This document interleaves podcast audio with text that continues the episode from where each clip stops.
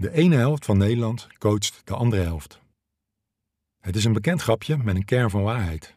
Docenten coachen hun leerlingen, managers hun medewerkers en loopbaanprofessionals coachen werkzoekenden.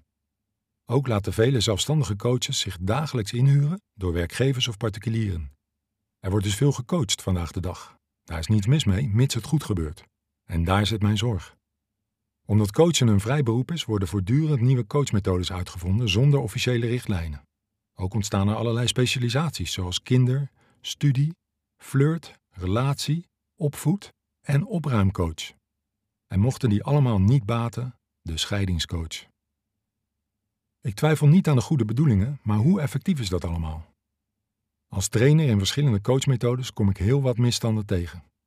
Coachtrajecten die onnodig lang duren, psychologie van de koude grond, populaire mythes die worden verkondigd als waarheden, werken vanuit achterhaalde aannames, dingen doen die aantoonbaar averechts werken.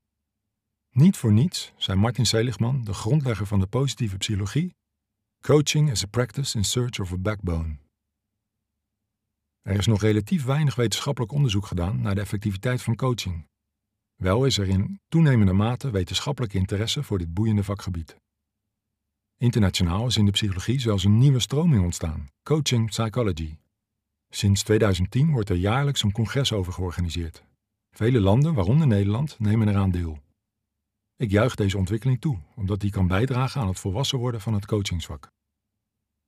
Toch is onderzoek doen naar coaching niet eenvoudig. Dit heeft onder andere te maken met de grote diversiteit aan coachmethodes, types coaches, contexten en ingebrachte problematiek. Eenduidige uitkomsten van onderzoek waar coaches in de praktijk mee aan de slag kunnen, zullen nog wel even op zich laten wachten. In de therapiewereld is al wel veel onderzoek gedaan. Daardoor is al veel kennis opgebouwd over wat werkt om mensen te helpen een gezond en betekenisvol bestaan op te bouwen. Inmiddels is er overtuigend bewijs dat sommige gespreksmethodes en therapievormen effectief zijn. Sommige van die methodes worden steeds vaker in coaching ingezet, zeker internationaal gezien. Daarom heb ik het ambitieuze plan opgevat drie van dergelijke methodes op een toegankelijke manier te vertalen naar de Nederlandse coachingscontext. Zoals je weet gaat dit eerste deel over motiverende gespreksvoering. De volgende twee delen gaan over oplossingsgericht coachen en coachen met ACT, Acceptance and Commitment Therapy. Ik heb hierin gedurende 15 jaar diverse trainingen gevolgd en met alle drie de methodes ruime ervaring opgedaan, zowel in de rol van coach als van trainer. Tevens ben ik voor elk van deze methodes lid van de beroepsvereniging. Ik beschouw ze als grote schatten en zie het als een voorrecht dat ik ze mag beoefenen, beschrijven en doorgeven. Terwijl ik dit vertel, loopt de zevende editie van de jaartraining PECAN, Positief Effectief Coachen Anno Nu, waarin aan elk van deze methodes een driedaags blok wordt besteed. Ook nadenken over alle vragen van cursisten en getuigen zijn van hun groei zijn een grote verrijking. Waarom coachen 3.0? 3.0 is een woordspeling. Er worden drie methodes beschreven in deze serie. En eerlijk is eerlijk, ik houd ervan om een beetje te prikkelen. Als 2.0 next level betekent, is 3.0 zoiets als super next level. Dat spreekt me aan en eigenlijk is het ook wel toepasselijk. Het basisboek Motiverende gespreksvoering van William Miller en Steve Rolnick heeft momenteel een derde geheel herziene editie. Omdat de methode zich voortdurend ontwikkelt op basis van onderzoek en internationale uitwisseling van good practice, mogen we aannemen dat hierin de state of the art van effectief motiveren beschreven staat. Ook bij ACT speelt het getal 3 een rol. Ze wordt gerekend tot de derde golf therapievorm. Na de gedragstherapie ontstond de tweede golf, de cognitieve gedragstherapie. En momenteel worden we overspoeld door de derde golf, de Mindfulness-Based Cognitive Behavior Therapy. Dit zie je terug in de populariteit van de achtweekse mindfulness training, MBSR, maar ook in therapievormen als Dialectical Behavior Therapy en Compassion Focused Therapy. Met name ACT heeft voor mij persoonlijk veel betekend. Zonder ACT zou ik na 20 jaar loondienst nooit de stap naar zelfstandig ondernemerschap hebben durven zetten. ACT heeft mij geleerd dat er naast vechten en vluchten een derde weg is. Bewust ervaren. Dit heeft mijn leven zodanig verrijkt dat ik dit ook vele andere mensen gun. Ik geloof in het bekende motto: al het goede komt in drieën. Als het om de keuze voor coachmethodes gaat, vind ik hoofd, hart en handen een mooie leidraad. Ik wil dat mijn hoofd tevreden is, bijvoorbeeld omdat er wetenschappelijk bewijs is dat de methode echt werkt en er een consistente theorie achter zit. Ik wil dat mijn hart tevreden is, omdat ik voel dat de methode integer is en getuigt van liefde voor en vertrouwen in de mens. Ik wil ook dat de methode hands-on is, praktisch uitvoerbaar onder diverse omstandigheden en zonder ingewikkelde middelen. En ja, alle drie de genoemde methodes hebben deze drie testen glansrijk doorstaan. Wat is coaching? Juist omdat we in dit boek methodes behandelen die afkomstig zijn uit een meer therapeutische setting, wil ik helder maken wat ik in dit boek versta onder coaching. Om bij dat woord een passend gevoel te hebben, breng ik in herinnering dat het van oorsprong vooral in de sport werd ingezet. Ik vind dat een mooi beeld. De topsporter met een ambitie en de coach die alles inzet om diens prestaties te optimaliseren. In dit beeld is van pathologie geen sprake. We snappen allemaal dat een topsporter grote mogelijkheden heeft. Sir John Whitmore, een van de eerste schrijvers over coaching buiten de sportcontext, zegt met slechts acht woorden wat coaching is. Unlocking a person's potential to improve their performance. Wat me naast de beknoptheid van zijn definitie zo aanspreekt, zijn de woorden unlocking potential. Die maken duidelijk dat wat de coachie zoekt al in hem aanwezig is. Ook de NOPCO, waarvan ik lid ben, wil ik hier een stem geven. Coaching is die vorm van professionele begeleiding waarbij de coach als gelijkwaardige partner de cliënt ondersteunt bij het behalen van zelfgekozen doelen. Opvallend zijn de woorden gelijkwaardig en zelfgekozen. Die zullen we nog vaak terugzien in dit boek. Ik definieer Coaching 3.0 als volgt. Coaching 3.0 is op methodische en wetenschappelijk onderbouwde wijze een proces begeleiden dat mensen helpt te willen, kunnen en durven veranderen in de richting van hun persoonlijke doelen en waarden. We zullen in deze serie ontdekken dat willen, kunnen en durven bepaald niet vanzelfsprekend zijn. Als ik de drie genoemde methodes tot één woord zou moeten reduceren, zou ik zeggen dat motiverende gespreksvoering vooral gaat over willen, oplossingsgericht over kunnen en ACT over durven. De scope van dit boek. Hoewel veel van wat we in deze serie bespreken prima inzetbaar is bij groepen, focus ik voor de helderheid op één op één gesprekken. Bij groepen speelt de groepsdynamica een dermate grote rol dat er extra kwaliteiten nodig zijn om de werkzame elementen die beschreven worden tot hun recht te laten komen. Verder denk ik in deze serie aan coachen in de ruimste zin van het woord. In Nederland vinden dagelijks vele gesprekken in een gedwongen kader plaats, zoals bij reclassering, jeugdbescherming en sociale dienst. Dit zijn lang niet altijd officiële coachgesprekken, maar het zijn wel gesprekken waarin motivatie, zelfeffectiviteit en commitment een grote rol spelen. Laten deze drie termen nu net de chique varianten zijn van willen, kunnen en durven.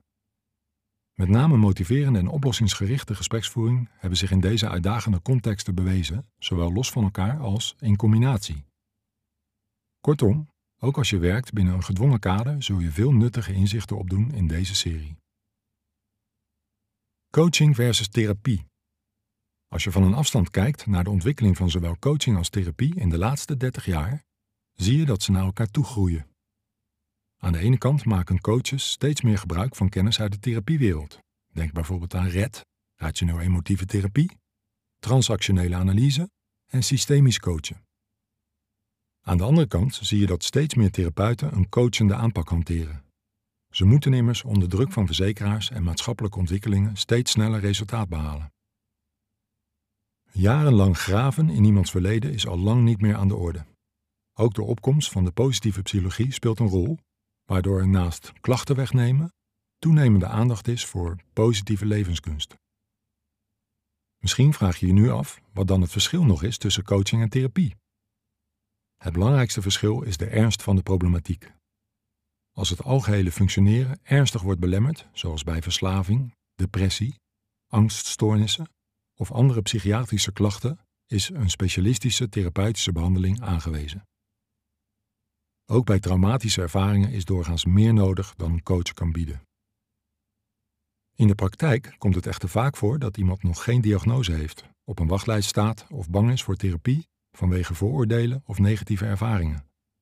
In dergelijke gevallen laat je iemand uiteraard niet vallen als coach, maar kun je een nieuw en realistisch doel stellen, zoals motiveren tot deelname aan behandeling, leren omgaan met stress of zelfcompassie ontwikkelen. Ik noem nog enkele verschillen. Waar therapie gericht is op gezond functioneren, is coaching eerder gericht op optimaal functioneren. waar in therapie de aanleiding een klacht is, is dat bij coaching meestal een doel, ook al is dat doel nog niet helder tijdens de intake. Waar het in therapie gaat over het algehele functioneren, gaat het in coaching vaak over het functioneren in een specifiek gebied, zoals werk, studie, ondernemerschap, sport, ouderschap of relaties. Ten slotte, waar klassieke therapievormen meer focussen op het verleden, is coaching eerder gericht op de toekomst. Overigens zie je bij beide disciplines, onder andere geïnspireerd door de opkomst van mindfulness, steeds meer aandacht voor het heden. De drie methodes. Als vooruitblik vertel ik hier al iets over de drie methodes. Allereerst noem ik een aantal belangrijke overeenkomsten. Ze hebben alle drie een degelijke wetenschappelijke onderbouwing. Tegelijkertijd zijn ze volop in ontwikkeling, waardoor we nog veel nieuwe inzichten en toepassingen kunnen verwachten. Ze zijn krachtgericht, ze delen een inherent vertrouwen in de wil en het vermogen tot groei van de mens, juist in tijden van tegenslag. Ze delen een basishouding die te omschrijven is als oordeelsvrij, gelijkwaardig, samenwerkingzoekend, compassievol en oprecht geïnteresseerd. Geen van de methodes is erop gericht het verleden van coaches uit te spitten. Hierdoor passen ze goed bij het gedachtegoed van de positieve psychologie. Ze zijn flexibel inzetbaar naar gelang de omstandigheden, zoals beperkte tijd, in vrijwillig of gedwongen kader, één op één of in groepswerk. Ten slotte laten de drie methodes zich goed met elkaar combineren. Natuurlijk zijn er ook verschillen. Elke methode kent een andere ontstaansgeschiedenis, andere werkzame elementen en andere doelen. Ook is elke methode op haar sterkst bij bepaalde problematiek. De korte omschrijvingen hieronder geven je daarvan een indruk. Motiverende gespreksvoering. Motiverende gespreksvoering is ontwikkeld in de jaren 80 en afkomstig uit de verslavingszorg. Inmiddels wordt de methode wereldwijd op een grote variëteit aan werkterreinen ingezet. Ze motiveert mensen om zelfgekozen doelen te bereiken op het gebied van gezondheid, leefstijl en relaties. Ze gaat ervan uit dat ieder mens zowel redenen heeft om niet te veranderen als om wel te veranderen. De methode helpt mensen deze ambivalentie voor zichzelf op te lossen en op zoek te gaan naar innerlijke doelen, waarden en drijfveren. Zodra die sterk genoeg zijn, wordt er gewerkt aan de zelfeffectiviteit, zodat mensen daadwerkelijk in beweging komen. Daarbij vallen met name de gespreksvaardigheden en de basishouding op. Bij de gespreksvaardigheden kun je denken aan open, ontlokkende vragen stellen en reflectief luisteren. Bij de basishouding aan samenwerking zoekend, motivatie ontlokkend, compassievol en autonomie ondersteunend. Het succes van deze methode is mede te danken aan de vele wetenschappelijke publicaties die haar effectiviteit overtuigend hebben aangetoond. In dit eerste deel van de serie Coachen 3.0 staat deze bijzondere en integere methode centraal. Oplossingsgericht coachen. Oplossingsgericht coachen is afkomstig uit de gezinstherapie en ook die wordt inmiddels wereldwijd steeds breder ingezet. De term is overigens wat misleidend, want het is zeker niet de bedoeling dat je als coach het probleem van de coachie oplost. Koert Visser bedacht de nieuwe naam progressiegericht coachen, die wellicht beter de lading dekt. Je werkt inderdaad stap voor stap aan vooruitgang door te praten over dromen, doelen, mogelijkheden, hulpbronnen, eerder behaalde successen en kleine stappen in de goede richting. Er wordt bewust voor gekozen om niet het probleem, maar de gewenste toestand te analyseren. Opvallend bij deze methode is de snelle werking ervan, de goede aansluiting bij mensen met een lage sociaal-economische status en het systemische karakter. Belangrijke anderen worden altijd impliciet of expliciet bij het gesprek betrokken. Ook voor deze methode is toenemend bewijs van haar effectiviteit. Het tweede deel van de serie Coaching 3.0 gaat over oplossingsgericht coachen. Acceptance and Commitment Therapy of Training. Zoals gezegd staat ACT voor Acceptance and Commitment Therapy en wordt ze gerekend tot de derde generatie gedragstherapieën die gebaseerd zijn op mindfulness. ACT wordt ook wel eens Acceptance and Commitment Training genoemd, omdat het feitelijk een vaardigheidstraining is. Mensen leren onder andere nieuwe vaardigheden aan in het omgaan met negatieve gedachten en pijnlijke emoties. Dit is het acceptatiedeel. Het commitmentdeel leert mensen te onderzoeken wat hun persoonlijke waarden zijn, zich hieraan te verbinden en die vervolgens om te zetten in concrete stappen. Het hoofddoel is een toename van psychologische flexibiliteit, steeds vrijer worden om te zijn wie je wilt zijn. ACT wordt ook bij groepen ingezet en steeds vaker buiten de therapeutische context, zoals in coaching. Hoewel ACT een afkorting is, wordt ze altijd uitgesproken als het Engelse woord voor do, ACT, omdat het een sterk ervaringsgerichte aanpak is die aanzet tot nieuw gedrag. Bijzonder aan ACT is dat ze enkele zaken die we geneigd zijn te problematiseren juist normaliseert. Zo is het volgens ACT volstrekt normaal voor ieder mens om af en toe somber of angstig te zijn, negatieve gedachten te hebben of te piekeren. Wie zich hier krampachtig tegen verzet, zal merken dat de negatieve stemming of gedachtenstroom vaak verergert.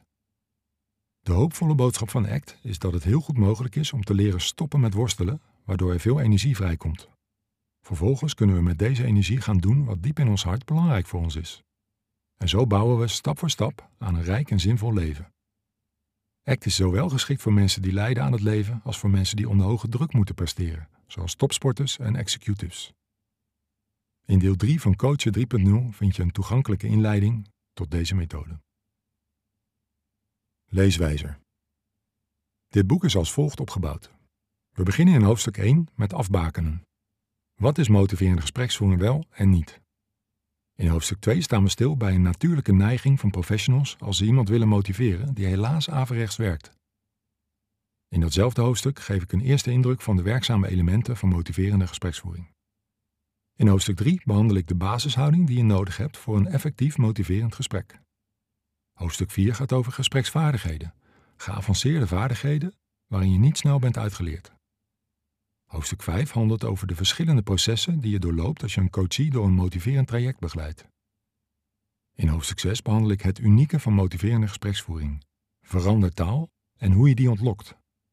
Hoofdstuk 7 tenslotte leert je omgaan met iets dat eigenlijk niet bestaat, maar waar veel mensen bang voor zijn: weerstand.